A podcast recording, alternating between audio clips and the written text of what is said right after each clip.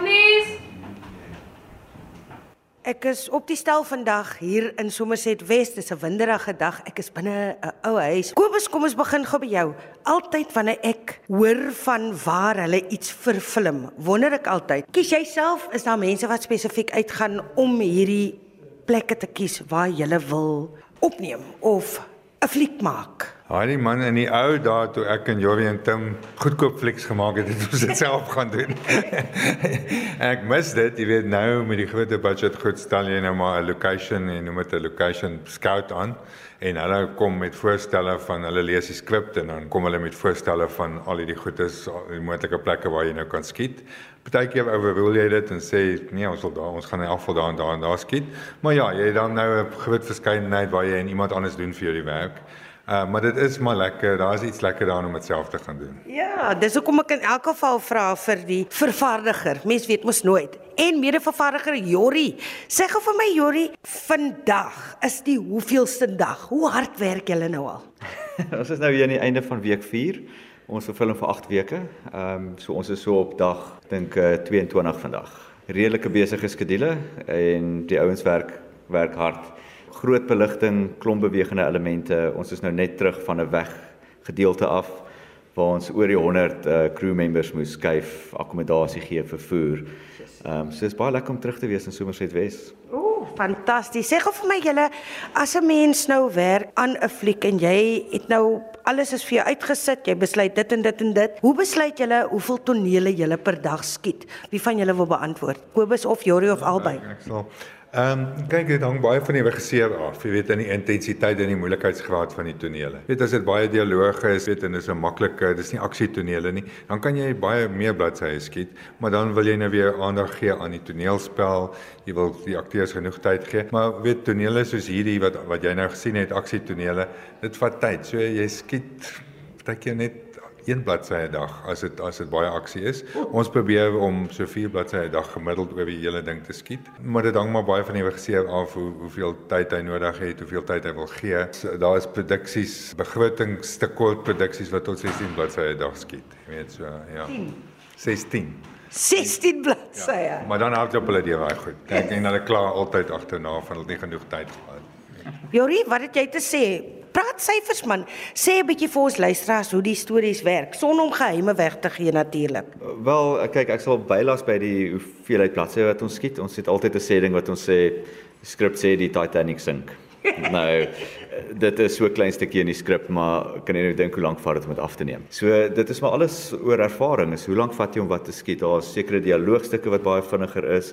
Daar's dele wat vir baie langer vat. So baie van ons plaaslike produksies doen ons 12 bladsye gemiddelde dag. Ehm um, hierdie omdat bietjie meer aksie is en klomp bewegende elemente, probeer ons so by die 4 bladsye te kom en dan sal daar wat baie ligter is met aksies goeters en dan maal jy weer in op ander ander dae. So by einde van die dag bepaal jou begroting ook hoe lank jy kan skiet aan 'n produksie.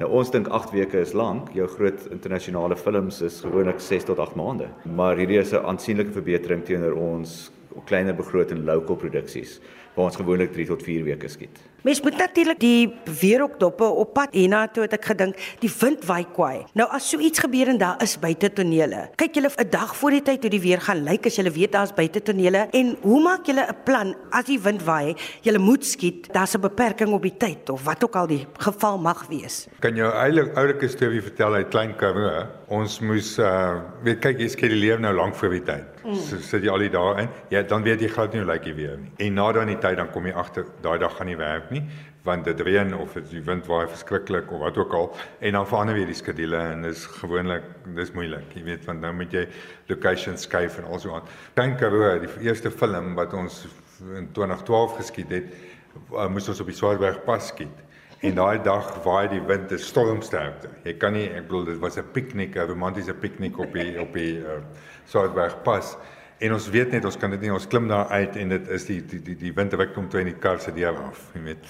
En ons sê okay, ons ouens ons kan nie skiet nie. Ons het ook nie dis 'n klein begroting, ons het nie luxury om te skuif nie. Ons bel tot die Kango grotte. Ons sê toe vir ons het goeie nuus vir julle. Ons gaan bietjie in in die, in die Kango grotte 'n toneel kom skiet. Hoe cool is dit? Ja nee, sê hulle ons kan dit doen en ons skuif toe daai piknik toneel Kango grotte toe.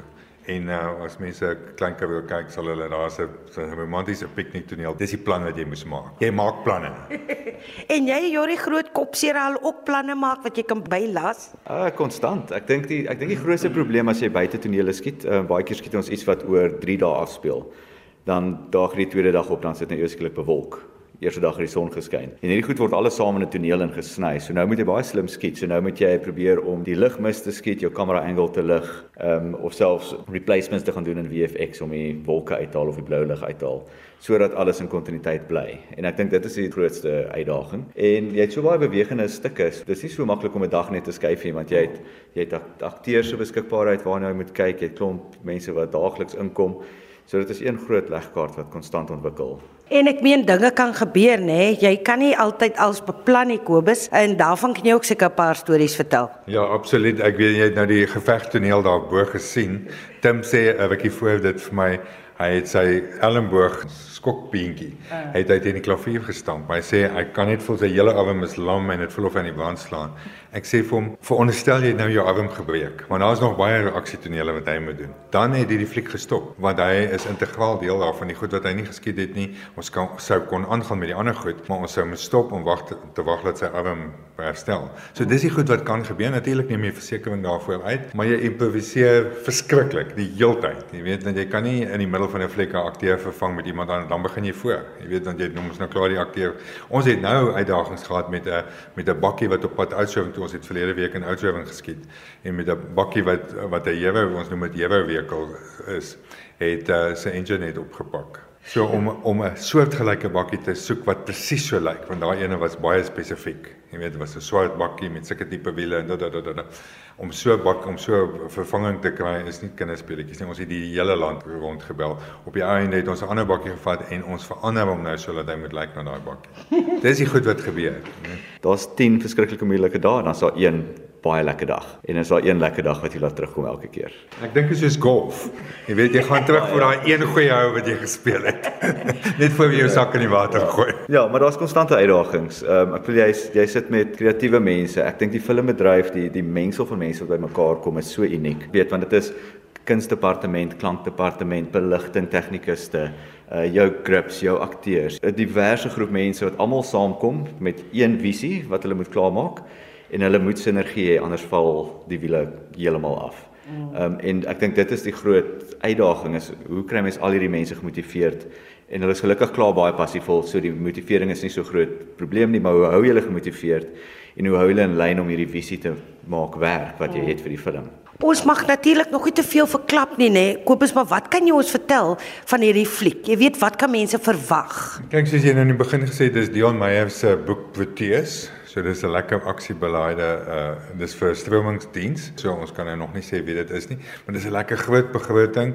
Dit ons het ons het absoluut gehou by locals. Ek sal nie sê dis heeltemal 'n internasionale begroting nie, maar dit is baie meer, soos in 10 keer meer as dit ons gewoond is om gewone flieks uh, Afrikaanse flieks te maak. So dit maak dit lekker, maar ons het gehou by 'n Suid-Afrikaanse regisseur, Suid-Afrikaanse cast, Suid-Afrikaanse crew en ek dink dis vir almal lekker om om bietjie iets aan iets local te werk en dit vir locals te maak, maar dit gaan internasionaal gaan. Wat van toekomsplanne vir albei van julle? Ek weet julle is besige mense, maar wat lê voor? Jori, ons begin met jou. Daar's 'n klomp ander projekte waaraan ons werk. Ehm um, ek is gewoonlik of meer bekend vir agter die kamera.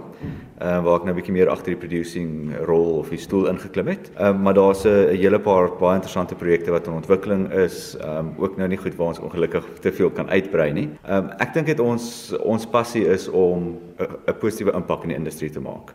So ons wil geleenthede gee vir mense wat ons op pad daarmee saamgestap het, mense wat baie bloed gesweet het op kleiner produksies saam met ons om hierdie pad saam te stap. Ehm um, en saam met dit net riglyne in te sit vir vir die beswil van van die crew. En ek dink net ons het definitief die talent in Suid-Afrika om wêreldgehalte produkte te maak. En ons het dit nou in die laaste paar jaar oor en oor en oor gesien.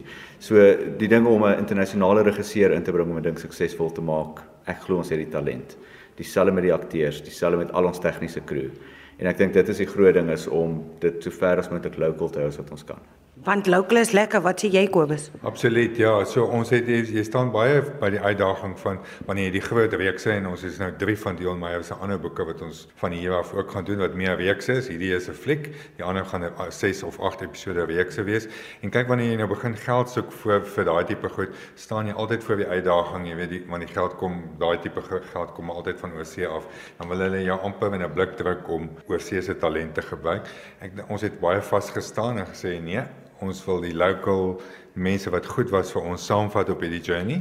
En ek dink ons is 95% suksesvol daarmee dat ons internasionale reekse gaan maak. En die volgende twee van die drie is totaal internasionaal. Maar ons gaan dit met ons local akteurs en ons local crew doen. Dit ek bedoel dis waarvan jy droom in hierdie industrie. Oh. om genoeg geld te hê om nie te wonder waar waar, waar jou volgende uh inkomste vanaand te kom nie en te weet jy het jou goed vir 2 jaar vooruit geplan met genoeg geld om dit reg te doen Ja, en ook in 'n mate om te kan help met werkskepping. In 'n land wat dit maar sukkel, moet dit fantasties wees. Ja, weet jy, ons het ons het toe ons in die week in uitswywing was, 104 of 107 crew members gehad. Nou weet dis visual effects en is dis dis goedes wat jy gewoonlik nie weet in local flicks doen nie, maar dit is ontploffings en al sulke goed. So dis spesialiteit, dit is wapenspesialiste, dit is mense wat vlamme maak, dis mense wat reën maak. Uh dis mense wat die die die bekleie koreografie. Dit so ewe skielik werk jy met al die mense en dan natuurlik die ondersteuningsdienste, dienste, die veiligheidsmense, die mediese mense. So dit is 'n groot organisasie en dis lekker om te weet jy gee vir mense hierdie werk en jy kan dit aanhou doen.